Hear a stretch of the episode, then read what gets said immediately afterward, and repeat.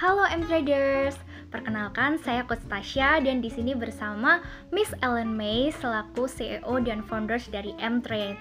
Nah, teman-teman pernah nggak sih ngerasain ketika kita beli saham di awal yang modalnya kecil tuh untung terus sempat kena arah juga. Eh, begitu nambah modal malah jadi rugi banyak, sempat kena ARB juga dan malah jadi nyangkut. Itu kenapa ya? Dan gimana sih caranya kita buat cuan konsisten di trading saham? Nah, Miss Ellen, kira-kira gimana ya cara menentukan timing yang benar untuk beli dan jual saham itu? Hmm, jadi sebelum membahas tentang timing yang benar untuk beli dan jual saham, saya tertarik buat jawab pertanyaan yang tadi Tasya sempat mention tuh di awal. Uh, Tasya tadi kan sempat mention ketika beli saham di awal modal kecil untung terus. Tapi begitu nambah modal malah jadi lebih banyak. Kira-kira kenapa ya? Nah, saya sendiri nih pernah mengalami ketika beli saham ataupun kripto ya, jadi bukan cuma saham sebenarnya, tapi juga kripto. Di mana kalau misalkan uh, kita udah ngerasa untung, udah ngerasa cuan, itu kayak merasa pengen dapat cuan lebih. Saya rasa teman-teman pasti semua juga mengalami hal yang sama. Dan akhirnya nambah modal, nambah modal lagi, terus masih cuan lagi. Nah, akhirnya semakin semangat, semakin confident dan kita nambah modal lagi sampai akhirnya kita nggak sadar bahwa market itu udah mulai overbought ya. Jadi harga kriptonya, harga sahamnya tuh udah mulai ketinggian hingga pas nambah modal di awal di di atas uh, malah uh, harga saham atau kripto turun. Jadi mungkin mungkin teman-teman pernah ngalamin nih, mungkin di awal pakai uang modal 10 jutaan, untung 20%, eh untungnya 2 juta. Wah, coba deh kalau aku tambahin jadi modal 50 jutaan. Eh untung lagi. Tambahin lagi nggak terima. Tambahin lagi modal 100 jutaan. Nah ketika modal 100 jutaan sekali rugi misalkan sekali rugi 10% itu ruginya 10 juta. Dan itu bisa wipe out bisa menghapus keuntungan dari yang didapatkan dari modal-modal kecil-kecil yang di bawah itu tadi. Kenapa? Karena modalnya kecil yang di bawah meskipun persentasenya gede secara nominal juga bisa kesapu tuh sama uh, sama sama ini kerugian yang didapat dari uh, pembelian di atas dengan modal besar gitu. Nah itulah kenapa uh, sebabnya banyak orang justru ketika di awal dengan modal kecil tuh bisa untung terus, tapi ketika nambah modal banyak malah jadi jadi rugi banyak. Jadi sebenarnya jawabannya adalah karena uh, yang pertama greedy dan kedua timingnya buat nambah modal itu salah gitu. Nah terus menjawab pertanyaan kedua dari coach Tasya nih, gimana sih cara menentukan timing yang benar untuk beli dan jual? Sebenarnya paling simpel dengan menggunakan analisis teknikal gitu.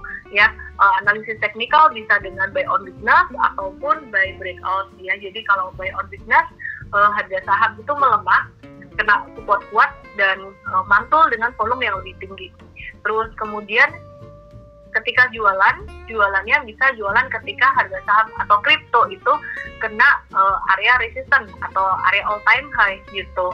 Ya, jadi beberapa waktu yang lalu seperti contohnya di MPF itu sempat ada kalau nggak salah uh, rekomend uh, review ya review beli BNB pada bulan Juli bulan Juli uh, di harga berapa ya tuh nanti mungkin bisa dicek kotasnya kemudian di situ dibilang bahwa target sekitar 430 dapat target 430 itu dari mana sih sebenarnya? Itu dari satu resisten.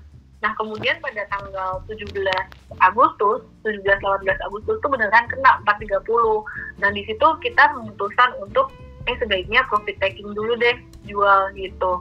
Nah jadi di sini e, cara menentukan kapan beli, kapan jual dengan menggunakan analisis teknikal. Itu tadi.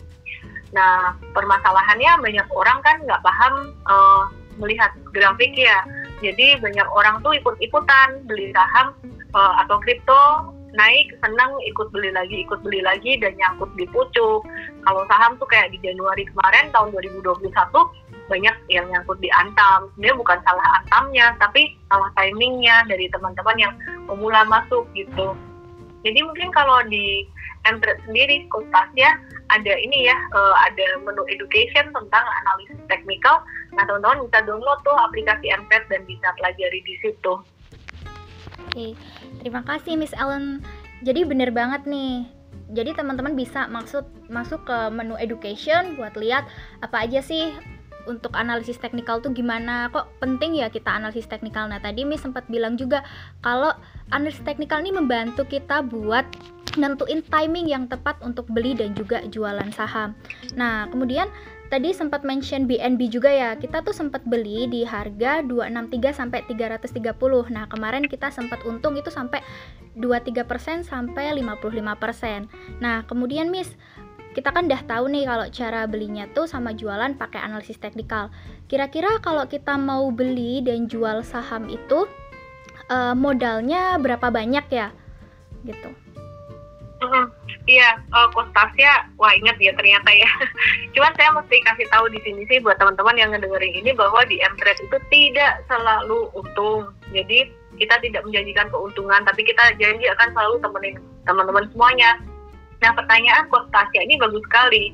Berapa banyak kita boleh membeli satu saham, berapa banyak uang yang boleh kita pakai, dan berapa banyak saham yang boleh kita beli uh, ini adalah kata kunci di dalam keberhasilan seseorang dalam trading baik saham, kripto, forex dan seterusnya, terutama saham dan kripto. Jadi uh, konsistensi itu sangat penting sekali dalam hal apa sih? Konsistensi dalam menentukan nominal. Jadi kalau saya selalu menyarankan beli dengan nominal yang sama. Kata kuncinya sebenarnya itu.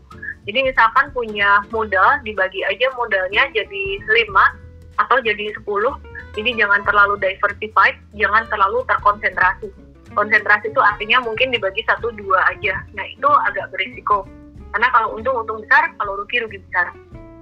Nah jadi uh, teman-teman dibagi 5 atau 10 dengan nominal yang sama. Jadi setiap beli saham tuh 10% 10% terus dari modal awal atau uh, 20% 20% terus. Demikian pula dengan kripto.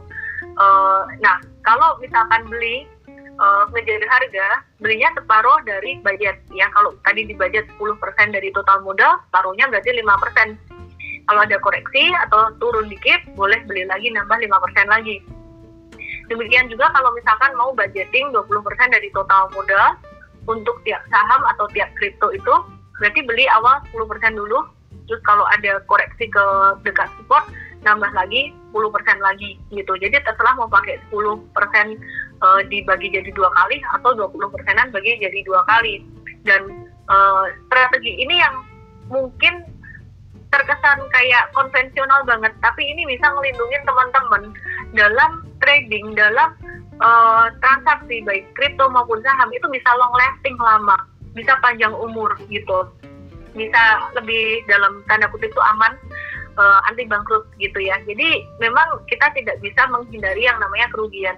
Tapi dengan cara seperti ini, kerugian dan keuntungan kita tuh bisa terukur.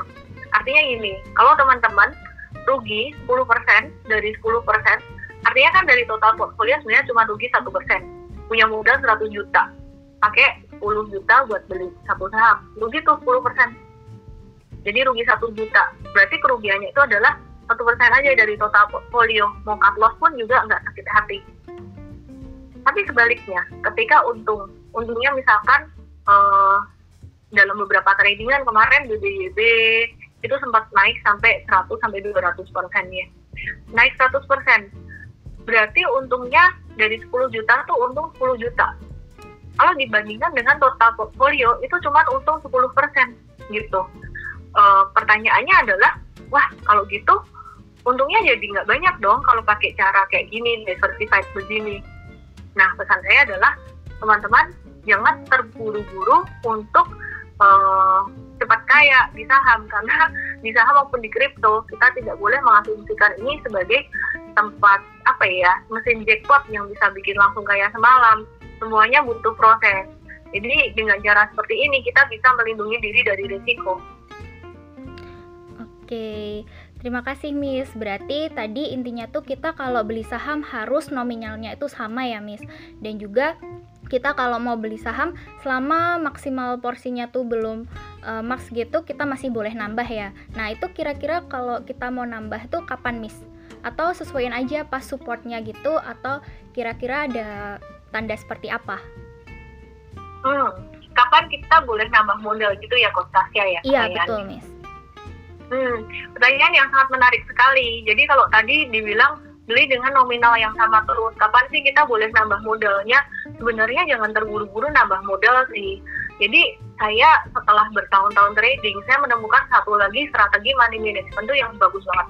Jadi kayak gini Coach Tasya, e, ketika kita taruh sejumlah uang di dalam investasi, e, dalam trading, misalkan mau saham maupun kripto, misalnya Tasya masukin uang e, 10 juta gitu terus kemudian kostasnya mulai untung untung 100 ribu, 200 ribu, untung 1 juta, 2 juta. Nah, dari keuntungan itu, kalau udah direalisasikan, udah take profit, kalau bisa diambil, keuntungannya diambil. Jadi benar-benar diambil, diambil sampai benar-benar jadi uang beneran. Nah, sampai satu hari nanti, Coach Tasya itu udah BEP, istilah kata tuh keuntungannya lama-lama bisa jadi 10 juta, ya, jadi untung dan stop loss, untung dan stop loss tuh keuntungan udah jadi 10 juta. Uh, jadi kan udah BEP ya Kostasya ya. Iya, udah 100% dari total modal dan itu butuh waktu. Nah itu duitnya diambil udah balik ke uh, rekening tabungan kita. Berarti sisanya yang masih ada di portfolio kita itu kan berarti bukan uang modal kita. Nah sampai di sini dulu kira-kira Kostasya paham ya? Iya paham Miss. Jadi gitu. itu Jadi, kayak um, pakai uang keuntungan kita begitu ya, Miss? Pintar banget, bener banget, Coach. Nah, jadi dari uang keuntungan itulah yang nanti akan diputar terus. Nah, nanti misalkan uh, pakai modal 10 juta, udah untung waktu berjalan udah untung 10 juta, keuntungannya udah diambil semuanya. Uh, jadi modal udah balik, sisanya keuntungan tuh 10 juta, biarkan dia muter lagi. Nah, dari perputaran itulah nanti si kelebihan ini dari keuntungan ini dia muter lagi jadi cuan lagi cuan lagi. Itulah yang nanti akan di rolling terus buat di tradingin dengan cara kayak gitu sebenarnya modal awal kita udah kembali. Nah strategi ini butuh kesabaran. Banyak orang yang tidak sabar gitu. Jadi kalau misalkan kita mau sabar ngejalanin ini itu sebenarnya trading saham maupun trading kripto tuh aman. Nah musuh terbesar tuh sebenarnya adalah diri kita sendiri Put Tasya yaitu greed uh, fear and greed gitu ya jadi gimana caranya sih ngatasin fear and greed ini? Kalau buat saya sih yang pertama fokus pada belajar atau ilmunya. Dan jangan terlalu banyak kumpul-kumpul sama teman-teman yang membahas tentang tradingan ini karena pasti akan terpengaruh. Jadi uh, opini kita bisa jadi bias. Uh, contoh misalkan nih saya sebenarnya uh, udah apa namanya udah cuan di satu kripto. Pengalaman sih beberapa waktu yang lalu aku udah cuan di satu kripto itu uh, Dogecoin. Terus kemudian karena bergabung di dalam satu perkumpulan dengan teman-teman terus uh, teman-temanku bilang wah nambah lagi deh nambah lagi gitu. Jadi sebagai manusia terpengaruh nggak? Terpengaruh secara emosi nambah lagi. Dan kemudian setelah itu nggak lama uh, jatuh dia jatuh lumayan dalam. Dan di situ saya mengingatkan diri lagi oh ternyata tuh nggak boleh. Kalau udah cuan gede itu kita netralkan emosi dulu uh, modalnya udah balik diambil baru ya udah nanti kita trading dengan keuntungan yang kita dapat gitu. Istilah kata harus di dulu gitu. Oke okay. mantep banget nih advice-nya. Jadi lebih ini nih tenang buat ngadepin market. Apalagi kalau udah ke bawah marketnya sideways atau ke bawah ARB juga. Yang penting kalau nanti kita udah untung ya siap-siap TP aja dan BEP-in dulu begitu ya. Apalagi kalau misal pakai keuntungan kita sepenuhnya ya pasti bakal lebih tenang sih untuk pakai modal trading itu. Nah kemudian Miss ini aku jadi inget sama coachnya uh, ini Warren Buffett nih uh, kakeknya saham ya. Nah, itu bilang kalau be greedy when the others are fearful and be fearful when the others are greedy. Ini jadi relate banget sama kondisi saat ini, Miss. Kalau menurut Miss gimana nih?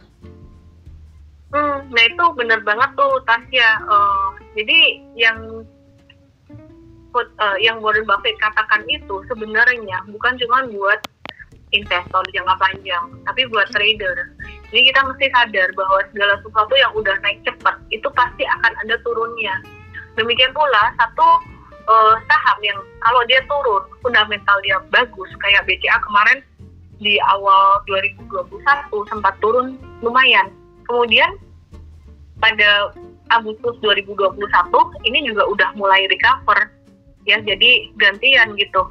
Yang terpenting adalah uh, kita melihat fundamental perusahaan itu bagus. Jadi ketika dia turun, uh, pasti akan ada recovery-nya gitu. Yang terpenting juga kita bisa melihat uh, psikologi market, kita bisa melihat uh, timing itu sendiri. Sebenarnya kalau dari teknikal udah kelihatan banget ya kapan greed, kapan orang-orang mulai greedy itu ketika tren harga saham tuh udah mulai naik, udah mulai vertikal, kemiringannya tuh udah mulai vertikal. Kayak kemarin saham BBYB di bulan Agustus 2021 itu naiknya tuh udah sampai ratusan persen udah vertikal banget nah itu uh, udah udah waktunya kita harus berhati-hati. Di situ udah mulai banyak orang yang greedy and we have to be fearful gitu. Sebaliknya untuk uh, saham seperti BCA terus kemudian Astra International yang uh, Astra tuh valuasinya cukup murah tapi nggak naik-naik uh, others are fearful.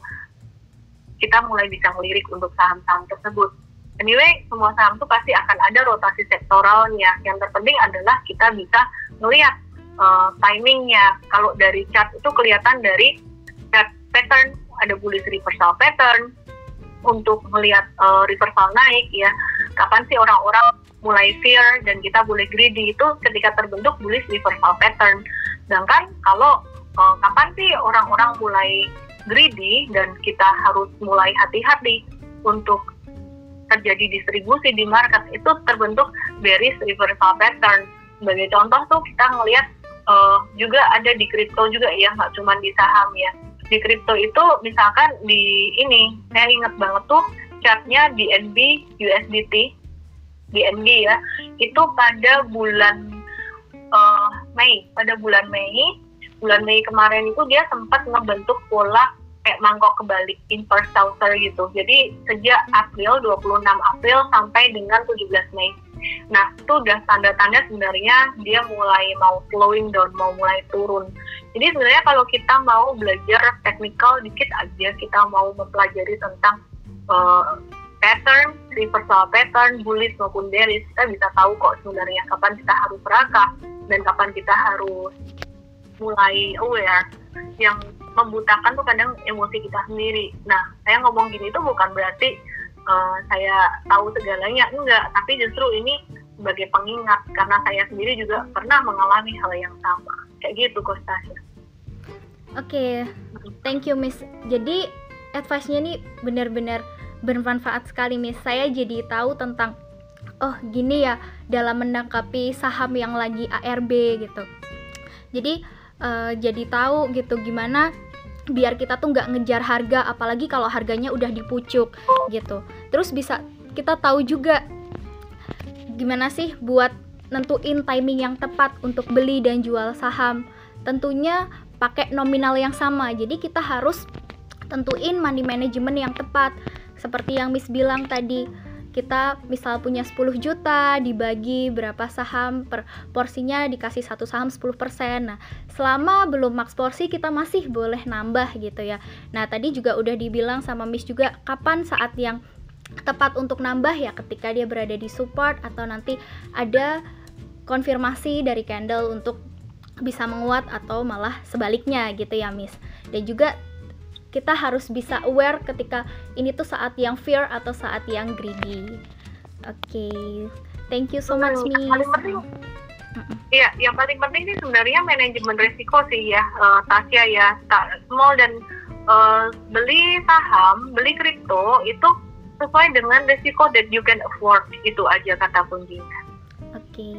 paling penting adalah money management dan manajemen risiko itu ya, Miss berarti. Iya, iya, iya. Thank you so much, uh, Coach Tasya. Semoga bermanfaat buat semuanya. Saya Elme, salam profit. Thank you.